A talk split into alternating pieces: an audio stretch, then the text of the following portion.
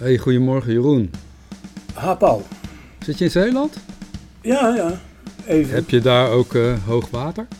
Eh, nee, we hebben hier eb en vloed in de Schelde.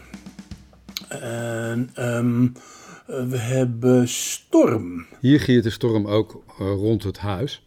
Maar we hebben hier wel hoog water van de beken. En uh, ik ben vanochtend dus uh, gaan kijken naar de Schipbeek en de Bosbeek. Dat is wel spectaculair hoor. Dat zijn echt gewoon uh, wilde stromen aan het worden. Het is mooi om te zien. Ja, dat is een pracht van een schoonheid, de ja. wilde natuur. Maar ik dacht onwillekeurig van, ja, hoe moet het dan later in het seizoen weer met de droogte? Ja, nou je hebt hier heel veel van die overloopgebieden. Dat hebben ze de laatste jaren gedaan. Hè. Daar hebben ze de rivier wat meer de ruimte gegeven. Ah, ja. Wat meer laten meanderen en wat meer overloopgebieden gemaakt. Ja, dat zijn wel een soort waterbekkens die in ieder geval het grondwater gaan aanvullen. En een aantal van die overloopgebieden zijn nu wel volgelopen. Hier in de Achterhoek is het gewoon van belang dat het grondwater weer op peil komt. Ja, maar dan denk ik, um, is dat wat er nu valt, is dat voldoende? Ik ben onvoldoende deskundig in, maar uh, het zijn natuurlijk wel uh, enorme bakken die inderdaad in bekkens uh, goed kunnen worden bewaard. Ja, dat is tot nu toe altijd het probleem geweest. Hè? Als het hard regende, dan stroomde het in één keer naar de zee en dan was het allemaal weer kwijt. En uh, hoor je de wind hier en uh, de regen? Ja, ja. Het gaat hier verschrikkelijk tekeer. Ja, mooi, mooi, mooi. Ja. Maar we zitten lekker beschut, beschut binnen. Ja, lekker warm. En ik, ik denk aan, uh, over overstromingen gesproken, aan de bak bij Amelisweert. En wat ze daar bij Rijkswaterstaat en op hoog ingenieursniveau allemaal al niet hebben bedacht over de uitbreiding van die A27. Wat is de bak uh, bij Amelisweert en wat heeft nou, dat, dat is, um, te maken met is, overstromen? Loopt die vol? Dat is um, een grote vierkante betonnen doos waar nu de A27 doorheen loopt. En die moet worden uh, opengebroken en sterk worden uitgebreid met diepe damwanden in de grond om uh, daar het grondwaterpeil uh, toch ook weer, um, nou ja, uh, zodanig te besturen, te beheren, dat die nieuwe snelweg niet volloopt. Um, maar komt hij er dan, die nieuwe snelweg? Daar is toch heel veel protest nou, tegen? Zeker, en dat is de link die ik um, de afgelopen dagen steeds overdenk met uh, die grote demonstraties uh, in Lützerath, daar over de Duitse grens. Ja, de bruinkool. Uh, ja, als ik dan um, kijk naar de toch overwegend jonge protestanten, protest, protesteerders, moet ik toch ook heel erg aan Amelis Weer denken.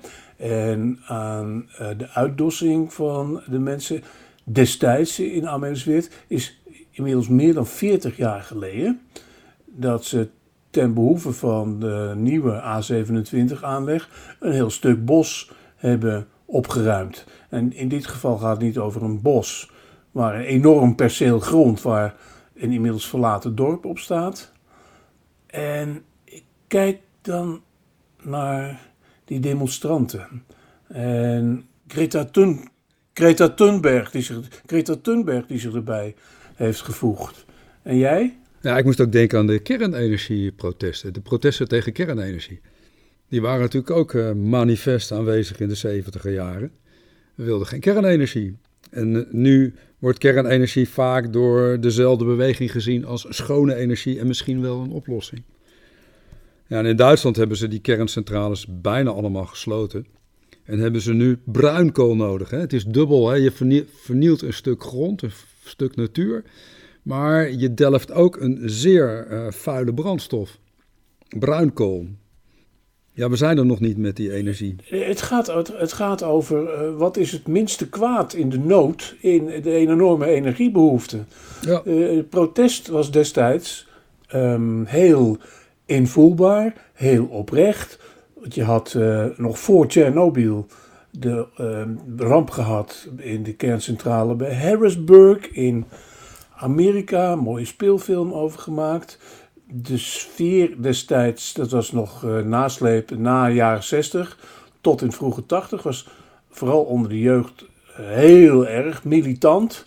Eh, ik zie dat nu niet zo, al hebben ze zich ook wel weer verschanst in bomen en op daken van huizen. Het is alleen geen gewelddadig protest. Nee, En gelukkig maar. Wat je daar tegenover ziet is enorme machten. Eh, en een grote, sch- grote hoeveelheden politie. Maar wat ik toch het meest symbolische vind, dat is dat enorme dier, dat beest, dat die enorme boormachine is. Dat vind ik eigenlijk het meest symbolische. Ja, dat is dagbouw, hè, die mijnbouw. Ze schrapen gewoon die bovenlaag af. En daaronder ligt het eh, voor het oprapen. Het ruikt Ja. altijd wel lekker bruinkool. Dat, eh, in Duitse steden kom je dat nog wel tegen. Als je door de stad loopt in de winter, dan eh, ruik je die, die kolenlucht. Het was. ehm, ehm, Maar het is uiterst vervuilend. Je tikte net even aan bij Amelisweert, hè? Maar wat, wat mij daar zo bij opvalt, is dat we nu in een tijd zitten dat we zeggen... we moeten terug, we moeten zorgen voor de natuur, we moeten stikstof verminderen... en we nog steeds niet het besef hebben dat je dan misschien ook wel eens iets wat minder zou moeten gaan doen. Want nu, de vrijkomende stikstofruimte wordt bijvoorbeeld in eh, Lelystad dan weer gebruikt om dat vliegveld te gaan openen. En er wordt al zoveel gevlogen. Ja, het neemt alleen maar toe en toe en toe. Ik, ik voel me daarbij vaak eh, toch eh, opgesloten, maar ook wel eens een beetje bedonderd. Want we zitten in een soort visieuze cirkel van niks kan, niks mag. Crisis dit, crisis dat, crisis dat. Maar wat zijn nou de oplossingen? Elektrische auto's moeten we allemaal gaan, gaan rijden. Maar er zijn nu al te weinig laadpalen. En we hebben een stroomnet wat niet toereikend is om iedereen elektrisch te laten rijden. Ja, het is allemaal een beetje raar, Jeroen, denk ik wel eens. Lelystad is op eh, zijn beurt, op die positie, eh notabene een as- geasfalteerd geitenpad voor oplossing van de capaciteit van Schiphol. Ja, maar, Dat, dat is natuurlijk het passen en meten waar we in Nederland mee te maken hebben. ja, maar je vermindert de- problemen natuurlijk niet mee. Nee. Nee, als je nog meer eh, autowegen gaat aanleggen. Er wordt bijvoorbeeld nauwelijks meer ge- geïnvesteerd in een goed spoorwegennet. Dat zou toch ook wel eens een keer kunnen. De nieuwe trajecten blijven eindeloos lang liggen. Bijvoorbeeld van Groningen naar Amsterdam lekker snel. Hè? Ja, de Lelylijn. Ja, Al zijn ze daar in Friesland, waar ik deze dagen eh, regelmatig ben voor een boek, eh, wel weer wat optimistischer geworden, omdat er Europees geld schijnt te zijn om toch die zo deerlijk eh, danig gewenste Lelylijn aan te leggen. nou, kan een oplossing zijn. Ik lees ook iets, of ik hoorde gisteren ook iets over de aanleg van een spoorlijn Terneuzen-Gent. Ja, dat soort dingen, dat, is, dat is mooi. Dat moeten ze maar eens wat meer gaan doen. En Wat minder autowegen extra gaan aanleggen. Op een gegeven moment is het wel klaar. En dan de st- vrijkomende stikstofruimte gebruiken om ja, genoeg woningen te bouwen. Al schijnen die ook niet meer zo hard nodig te zijn op het ogenblik. Omdat die huizenprijs zo snel daalt. O- ook verbazingwekkend overigens. Dan is er opeens, lijkt het geen tekort meer. Het is allemaal onderwerp voor ehm, ingenieurs en voor bestuurders en voor projectontwikkelaars. En daar zitten, ehm, zoals bekend, niet altijd de meest frisse jongens bij. En aan de andere kant is het blijkbaar toch pure noodzaak. Dat blijkt wel weer uit eh, de beweging om bepaalde kerncentrales in de buurt van Antwerpen langer open te houden. Ja. En in besluit om eh, bij Borselen een extra kerncentrale te bouwen. Al is dat, Zelfs twee, hè? Geloof ja, ik. al is dat, al is dat nog niet klaar in 2035. Nee, dat eh, zijn hele lange bouwtrajecten. Vergunningstrajecten, ja, dat duurt heel lang. Alleen de geesten zijn nu rijp gemaakt door de veranderingen in de energiesituatie. Waaruit dan blijkt dat ze dan, dan toch een wending maken van je welste. Omdat de oorspronkelijke kernenergiecentrale bij Borselen eh, ooit, 20 jaar geleden, genomineerd stond om gesloten te worden. Mhm. Onder de kabinetten Balkenende is er steeds een verlengstuk aan dat besluit eh, gekoppeld. En nu, en dat vind ik het frappante van die hele wending, bouwen ze er gewoon twee. Ehm, dat zal gepaard gaan, ook wel weer met een hele golf aan voorlichting en communicatie, noodzakelijk. over de, eh, wat dan heet intrinsieke veiligheid van die centrales. Ehm, ik ben geneigd, ondanks de rampen die zijn voorgekomen, te denken dat het met die veiligheid, gelet op de vorderingen van de technologie, wel goed zit. Anders begin je er niet aan. Uh, ja, ja, ja dat, dat hoop ik maar. Ja. ja dit, maar het punt is, uh, je moet in de, je moet in kijken... Ik denk dat we heel erg zitten te wachten op grote nieuwe uitvindingen. En uh, op een gegeven moment misschien wat meer, ja, wat beter de, de industrie beheersen. Of wat meer ja, regels opleggen, dat, dat we wat schoner produceren. Ik kan eens een voorbeeld noemen. Ik, ik, zocht eens laatst terug hoe dat nou zit met, met auto's, met, met het verbruik. En dan, dan zie je dat al in de 70 jaren ze auto's konden maken die 1 op 30 liepen. En dat er ook auto's werden verkocht die 1 op 25 liepen. Nou, nu hebben we nog, verkopen we nog steeds auto's die 1 op 10 lopen, Jeroen. Als je nou zou beginnen met zeggen, nou, laten we eens kijken uh, uh, naar de norm voor het brandstofverbruik. En dat we dat per omgaande beter maken. Dan zou je bijna de helft op het verbruik kunnen gaan besparen. En dan ben je de helft van de uitstoot van het autoverkeer kwijt. Want je zegt, nou oké jongens, vliegverkeer, dat leggen we aan banden binnen Europa. Mooie snelle treinverbindingen maken. Ja, dan heb ik het gevoel, dan gebeurt er wat. Maar nu gebeuren dingen waarvan je denkt, ja, heeft het wel zin? We moeten allemaal elektrisch gaan rijden, maar er is geen stroom. En we weten ook niet hoe we die stroom moeten maken. Nou, moeten we weer bruinkool voor gebruiken. Ja, dan denk ik, we zijn niet goed bezig met z'n allen. En in tussentijd uh, hobbelen we van crisis naar crisis. Maar goed. Nou ja, het is hobbelen en balanceren. Ja. En, uh, ik denk, over oplossingen gesproken, dat ze in het Westen uh, wel weer verder zijn. dat het in de ontwikkelingslanden niet alleen hobbelen is, maar uh, enorme valkuilen uh, daar nog steeds bestaan. Want waar gaan al die, al die vervuilende auto's naartoe als ze uit het, westen worden verwijderd? Ja, ja precies. Die gaan uh, stinkend daar doorrijden nog een aantal ja, ja. jaren. Ja, je weet niet wat je ziet. die grote rookwolken die er achter auto's uitkomen. Van die oude diesels rijden dan nog rond. Ja, dat is triest. Ja. Terwijl... Hoe juist in Afrika zou je met zonne-energie veel meer kunnen doen natuurlijk. Ja, ik, neem aan, ik neem aan dat dat ook goed bestudeerd wordt. En het, uh, ja, hoe verder? Hoe verder met, met, met dat gebalanceren en dat gehobbel? Denk ik ook wat dat betreft aan, aan uh, Amerika. Nogal wat rondgereden. En daar toch ook wel veel vervuilende industrieën gezien hoor. Hele grote chemische complexen in de buurt van Chicago. Ik weet niet hoe het daar nu mee is. Um, maar ja, er is een enorme begroting gemaakt om op korte termijn het land te verduurzamen. En Biden doet daar heel erg veel aan. Het, een van de allerbeste prestaties van Biden is dat plan wat er doorheen gekomen is ter verbetering van de infrastructuur. Ja. Uh, dan worden wegen vanzelf ook minder vervuilend. En dan kan verkeer beter opschieten. Dit, dit, dit, is wel heel frappant dat nu tegelijkertijd in Nederland uh, ook weer uh, kwesties zijn over de, de staat van de bruggen. ook gelet op het stilleggen van dat aquaduct in Friesland tussen Jouren en Sneek. die dingen hebben blijkbaar dat, dat, dat, bewijst de actualiteit een zekere houdbaarheid. In Amerika is er in ieder geval al werk gemaakt van um, opknappen.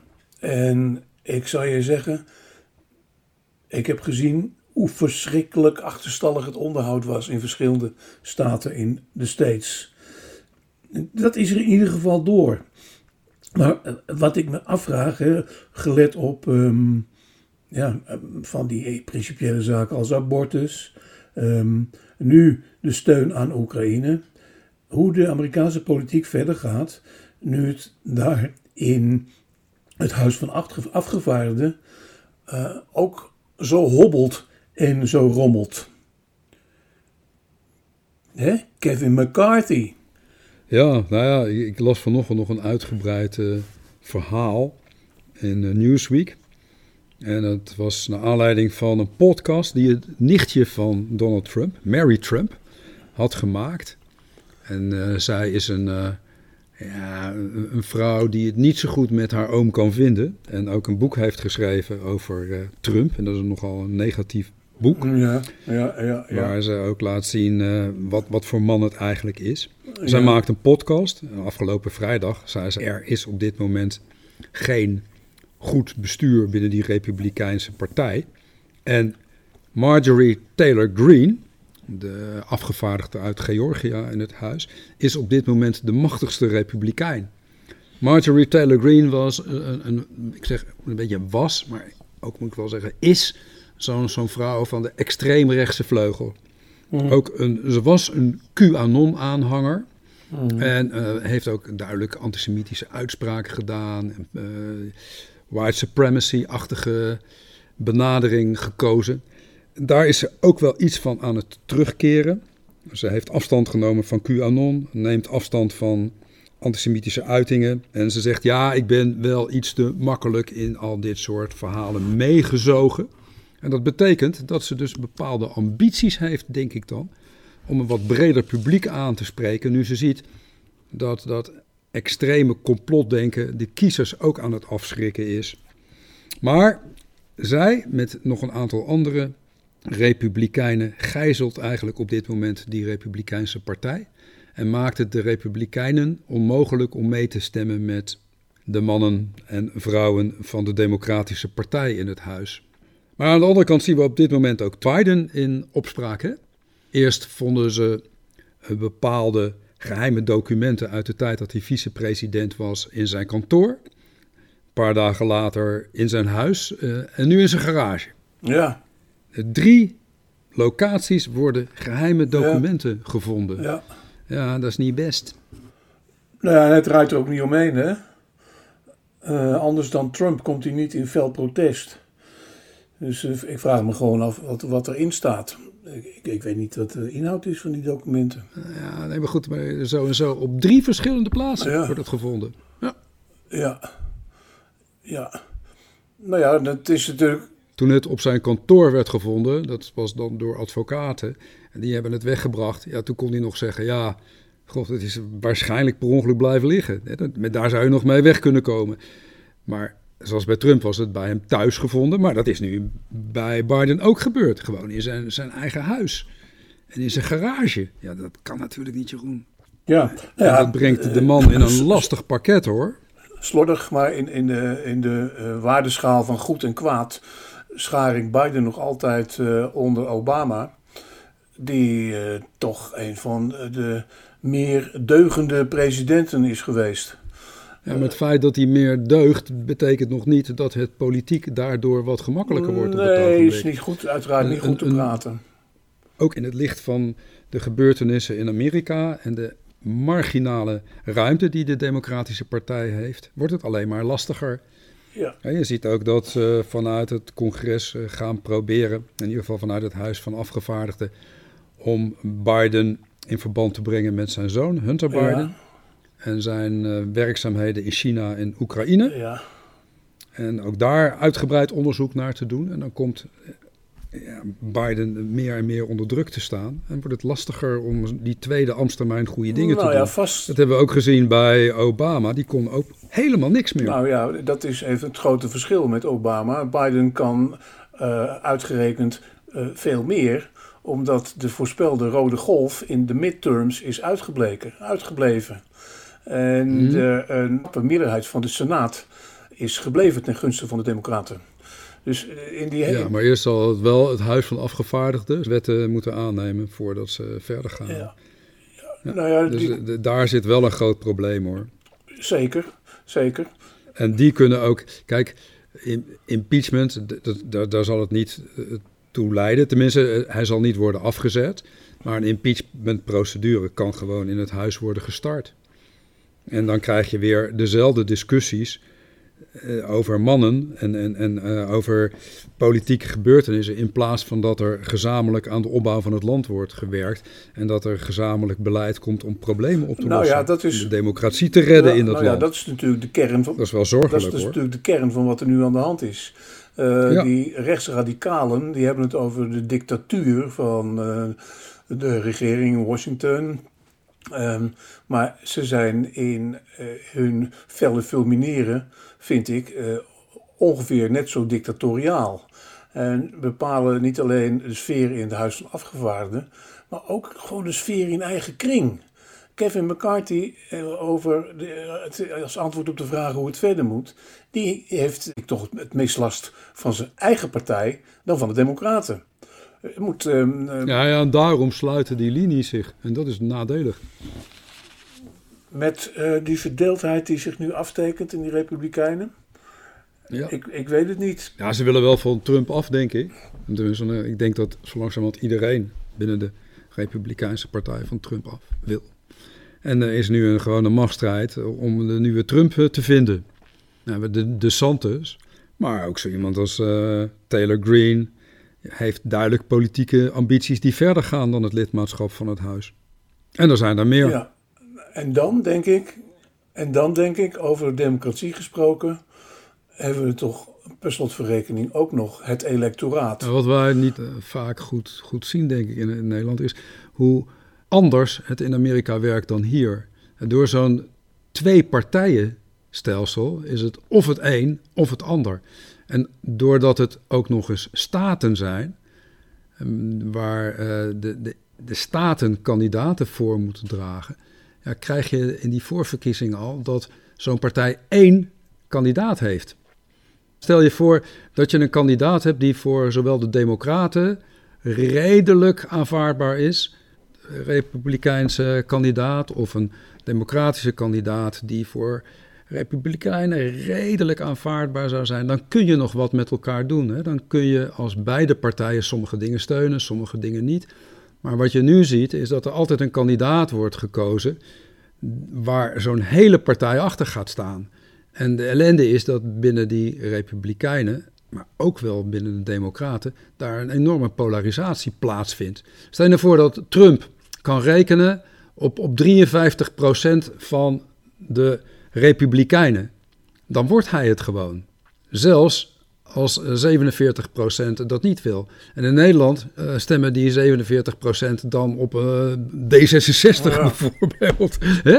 Eh, Zo'n tussenpartij Ja. of een andere partij. In Amerika kan dat dus niet. Nee. En dan moet zo'n hele partij zich achter zo'n extreme kandidaat Ja, maar dat scharen. gaat niet gebeuren. Eh, dit- Ja, dat zeg jij. Maar de Santos is nu iemand eh, die eh, heel erg wordt geprezen en waarvan men denkt die wordt wellicht dan wel gekozen. Die is nog veel erger, joh. Die is niet zo gek als Trump. Die, die, die, jokt wat minder of die is wat slimmer. Die weet het wat beter te verbergen. Maar kijk eens naar zijn standpunten. ja, het is een ouderwetse, onversneden, rechtse, eh, diehard republikein. Een oude, Ja, precies. ouderwets. En dat houdt die verdeeldheid wel op, op gang hoor in Amerika. Zeker, maar dan kom ik toch terug op het electoraat.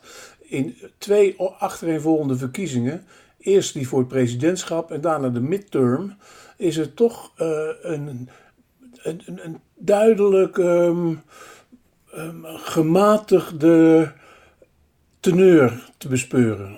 Van eh, wat ik dan altijd noem, de, de, het meer verstandige deel van de States. En aan de andere kant, ja, eh, wat ik ook wel eens eerder heb gezegd, niet Trump is het probleem, maar het Trumpisme. Eh, de, de omvang van dit soort denken, de mentaliteit, de bezieling. En eh, die mensen die zullen dan mis- wel weer naar docent, docentis ehm, zich keren. Allemaal, Ja, Jeroen, maar die, die, die de Santos is ook een Trumpist. Maar de mensen zijn ook de schandalen rondom Trump een beetje beu. ja, nou ja, dat is, ook het, dat is dan ook weer het eh, nadeel van de voor de Dos Santis. Denk ik. Nou, als hij. Kijk, Trump, Trump heeft eh, natuurlijk eh, rond die midterms een aantal ontmoetingen gehad met, met uiterst eh, extreemrechtse figuren. Zelfs een die duidelijk antisemitische uitlatingen heeft Ja. gedaan. Hij heeft allerlei aanklachten tegen zich lopen. Dat hij steeds zegt dat de verkiezingen gestolen Mhm. zijn. Het, de, de, de duidelijkheid die mensen kregen dat hij toch de motor is geweest achter de bestorming van het kapitool. Daardoor zijn mensen ook duidelijk afgeschrokken van de persoon van Trump. Maar als je de Amerikaanse media eh, een beetje leest af en toe, dan lijkt het Trumpisme in ieder geval nog heel erg levendig. En is het nou juist iemand als De Santos, die minder een complotdenker is, maar in zijn standpunten net zo extreem is als Trump. Dus ik weet niet of dat, dat, dat allemaal beter wordt. Wat we juist nodig hebben, is dat er gematigde kandidaten komen. Nou, dat zeg ik dus duidelijk. En die zijn er op dit moment binnen de Democratische Partij ook niet echt. Er is ook niet echt iemand die zich op dit moment populair maakt naast Biden. Ja, dat vind ik een... Terwijl er aan de linkerkant ook kandidaten zijn die ook niet voor alle democraten meer aanvaardbaar zijn. En die ook een deel van het democratisch electoraat in de richting van de republikeinen kan jagen. Het is nog allemaal niet zo makkelijk. We moeten het zien hoe dat gaat in Amerika. Maar het worden weer spannende verkiezingen. Die beginnen volgend jaar eigenlijk al een Ja. beetje. Ja, ja, maar eerst Nederland. Hè? Provinciale staten Ja. komen eraan. En ehm, nou, wat ik dan onlangs las, is dat eh, toch 20% in Nederland eh, toch nog wel iets heeft met complottheorieën. Ja, wat? Wat? 20? 40? 20 waren het. Want 20 je zei- waren het, 20%. Nee, 20% is zeker dat er een clandestine wereldregering eh, Mhm. gevormd wordt. Dat er een groep mensen is die op de achtergrond, hè, Klaus Schwab, Ja, eh, ja.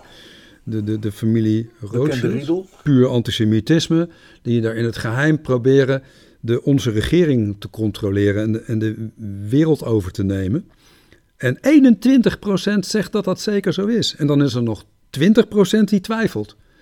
Dus die zijn niet zeker. Dus dat betekent dat die, dat, dat gedachtegoed breed, breed leeft. Ja, nou ja, de, de- de- de nationale ehm, terreurbestrijding heeft zich er ook al over uitgesproken. Eh, dit- ik denk dat het, het percentage niet gering is. eh, dat het een, een duidelijk teken is. Het eh, waakzaam moeten zijn. Aan de andere kant... aan Ja, zeker. Er was nog een ander eh, opvallend cijfer in dat rapport. Eh, ik heb het gevonden op. eh, even kijken, waar heb ik het vandaan? Eh, dat is, zet ik, een stuk rood vlees van de Universiteit van Amsterdam. Die hebben dat onderzoek verricht. Het is ook binnen een Europees onderzoeksinstituut uitgezocht. En dan zie je dat in Nederland bijvoorbeeld 17% van de mensen denkt dat wetenschappers feiten verdraaien argumenten verzinnen of verzwijgen om hun eh, ideeën over het voetlicht gebracht te Ja. krijgen. Dus het is toch 17% die zegt wetenschappers zijn absoluut niet te ja, maar vertrouwen. dat is gedachtegoed van Die- mensen die over het algemeen niet tot de hoogst opgeleide van Nederland behoren.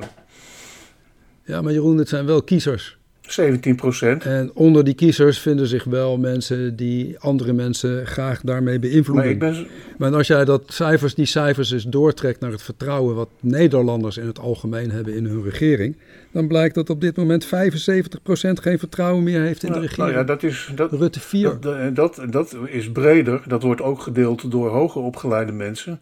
En dat komt omdat de regering het er ook naar maakt. Die 17% eh eh, diehard complotdenkers is een manifeste grote laag. Waar je niet voldoende eh, voor beducht kunt zijn. Eh, Ik denk dan dat toch dat er nog een meerderheid is voor mensen die dat niet denkt. Eh, alleen, het is lastig. Het zijn, dat- zijn dat soort vervelende horzels die horen bij het slag parlementariërs dat in de Tweede Kamer er een zootje van maakt. Eh, hersenloze, ongeletterde schelders. Die zijn, ehm, ja, helaas eh, manifest aanwezig in onze samenleving. En wat dat betreft, in plaats van ons druk te maken over Amerika, kunnen we daar ook niet genoeg op letten in eigen land.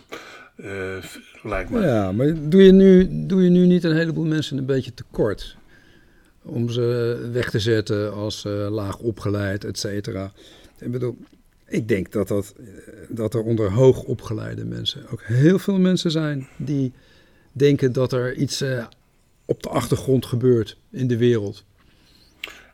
Hoog Als ik, al- als ik af en toe artikelen lees, daar zitten doctorandussen, professors, eh, allerlei geleerden bij die dit soort dingen ook opschrijven. Ja, die ook zeggen, corona dat is een complot. Goed, ik ge- er, zijn, er, er is een, een, blad, dat heet De Andere Ja. Krant. Nou, daar schrijven allemaal Oh, zeer ja, hoog opgeleide ja. mensen de meest gro- grove onzin in. Ja. Ik geef het toe, Dus- er zijn ook geletterden onder deze dwazen. Ja, Ja, en, dat, en dat zijn de mensen die dan vaak weer als een soort opinieleider dienen voor anderen. Laatst kreeg ik ook nog een, een mail naar aanleiding van een stukje op Hakketak Facebook.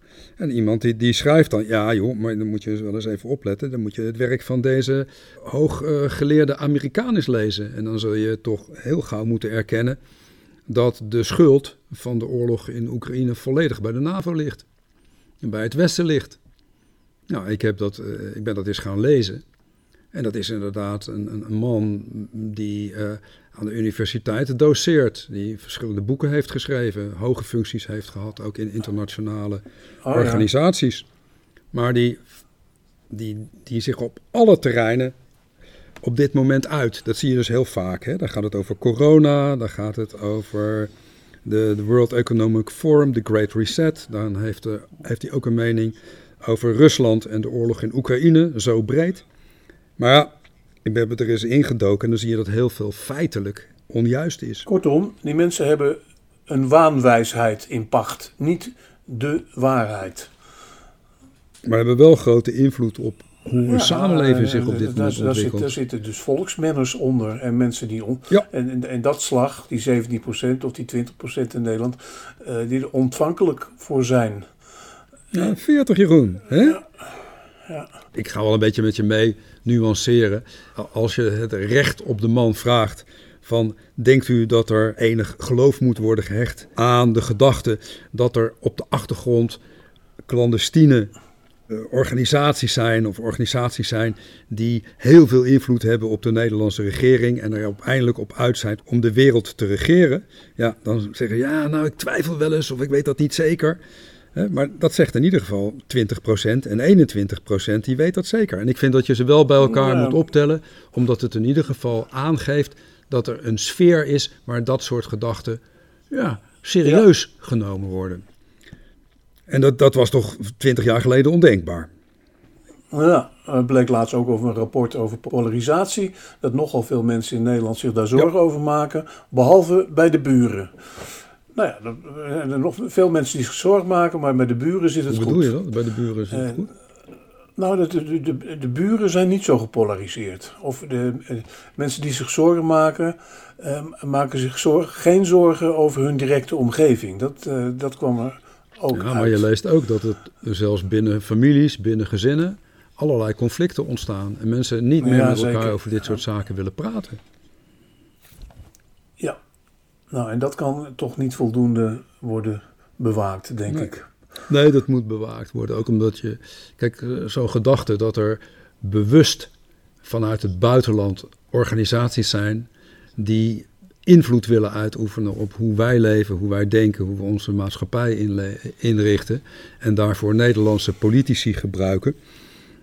Dat, dat zag je bijvoorbeeld ook dat dat gevaarlijk kan zijn als je denkt wat er rondom die brug in Rotterdam zich afspeelde op Oudjaarsnacht. Hè? Dat daar teksten Die teksten ja. worden geprojecteerd. En als je denkt, ja, dat zijn een stelletje mafkezen. Eh, die eh, half vergaren, die van hun gezond niet afweten en de boel proberen op te stoken.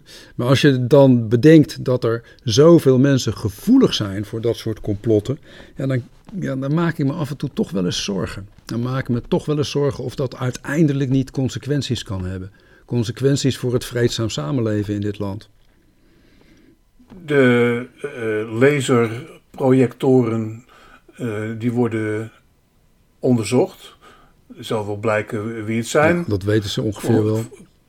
Ik vond, het, ik vond het fantastisch dat ze juist Erasmus ervoor uitkiezen. Ja, En in dit, in dit geval is het niet de lof der zotheid, maar de, eh, de, de, de triomf van de dwaasheid. Ja, misschien moet ik nog even Eh. toelichten. Hè. Daar, daar werd dan echt gepleit voor een, een land vol met witte mensen.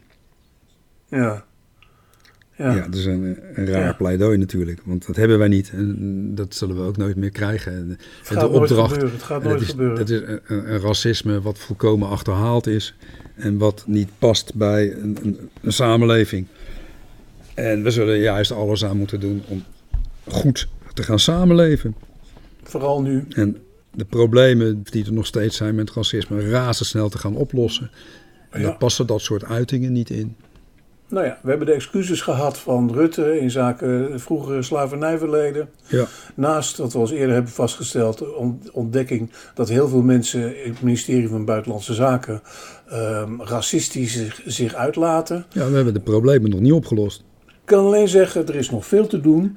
Maar ik, Eens kijken hoe wij met eh, migranten zijn Ja. omgegaan in de zomer Ja. die buiten moesten Ja. slapen. Ja. Die, die niet eens eh, eh, over een toilet konden beschikken. Nee. Dat is natuurlijk ook een schande.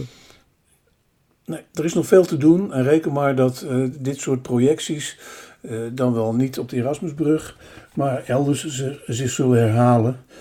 Omdat ehm, dit soort lieden nou eenmaal de slimheid hebben en de middelen om dit te doen. En dan opnieuw er blijk van geven dat helaas zij ook onder ons zijn, deze samenleving. Hoe gaan we het oplossen, Jeroen? Wat, wat moeten we er tegen doen? Eh, eh, waakzaam zijn, eh, het voortdurend weer ondergraven, er een podcast over maken en zorgen Ja. dat ze te grazen gaan. Ik denk ook dat, dat wat we eerder hebben gezegd, politici verantwoordelijker moeten worden in hun uitspraken en doen en laten. En zich veel meer moeten baseren op feiten. Dat de journalistiek goed uitgezochte verhalen moet schrijven die feitelijk door iedereen te controleren zijn en juist zijn en kloppen. Nou, ik heb er wel vertrouwen zijn. in. En dat er in het onderwijs veel meer moet worden gedaan aan ja, dat, dat mensen zich ook persoonlijk eh, eh, kunnen ontwikkelen in, in dit land. En zonder dat daar wordt gekeken naar afkomst en, en, en ras en dergelijke. Maar we zullen Oh ja. ook sociaal-economisch het nodige moeten gaan doen. Ik, ik denk dat je nu ziet dat er heel veel mensen niet meer in staat zijn om zich te kunnen verbeteren. Gisteravond nog op het journaal. Mensen langer werken. Ja, maar als ik langer ga werken, dan kost me dat mijn toeslagen. Dat hele systeem, daar moeten we eens heel goed over na gaan denken in Nederland. Ja, Dat mensen gewoon weer genoeg verdienen om ja, zichzelf te kunnen ontwikkelen, verder te kunnen komen in het leven. Weg met al die toeslagen, weg met al die afhankelijkheid, weg met al het hand ophouden. En, en ook, denk ik, we moeten ook eens goed nadenken over al die identiteitspolitiek.